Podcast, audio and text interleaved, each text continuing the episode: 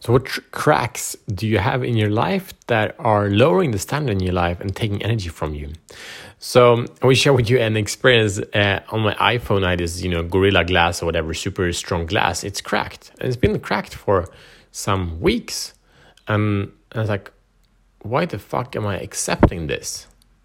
Why? So, what cracks do you have, and how can you transform them, and what will happen when you do?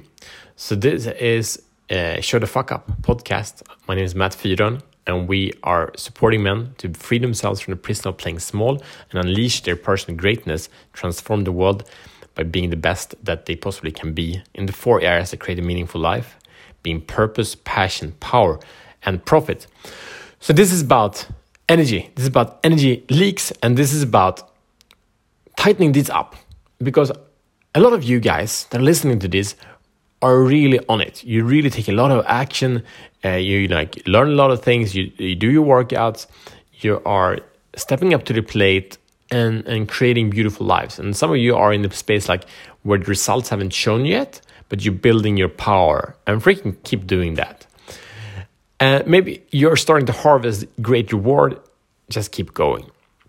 So, but there are things that suck and so, so this is story like for for for quite some time. You know, it's not even in glass. It's not even an expensive thing. It's not even a complicated thing. I don't need to send it to store anything.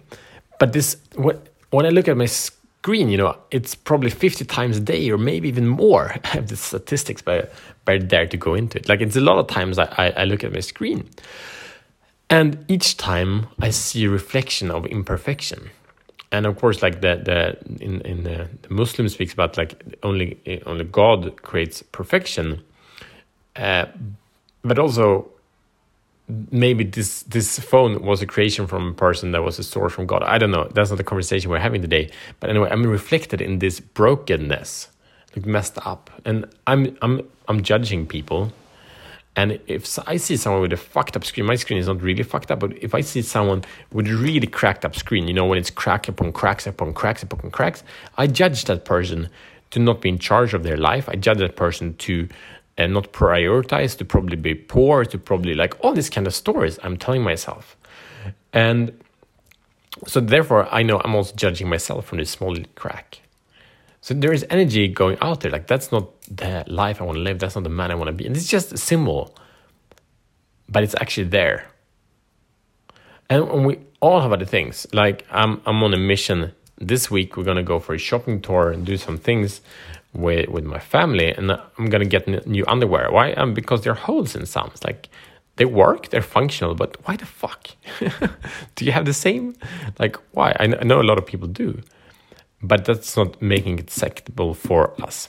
And I believe that there are in these little things that we really set the standards because it's not from you know our highest best. It's not how great our best suit looks like. It's at the minimum standard that we always fall back to when when shit hits the fan. We don't rise to our potential; we fall back to to to our to our standards. Someone said, and so so let's level that standard up by looking at these small details it's like, wow, my life is beautiful. Maybe because your screen is working. Anyway, I have two screens on the way. I also ordered some some new headphones because um, on on one of my headsets I'm working. Only one one of the ear, uh, earphones are working. The, the the things I put in the air that make sound. Anyway, so so these things, these small things. So how can you shut the fuck up? And and fix the cracks in your, your life. And I'm speaking about small details. You can check in the big things also, but start with the small and gain some momentum. All right. So your mission should choose accept it, identify cracks, things that are be, actually below the standard, but you haven't taken the time, whatever, to take care of, fix it, and then fix it. Right. That is it. Your invitation is if you want to be here uh, and level up in your purpose, passion, power, profit, I would invite you to conversation on this show and email me at i at showtfapp.com. And see you tomorrow as better men. Ciao.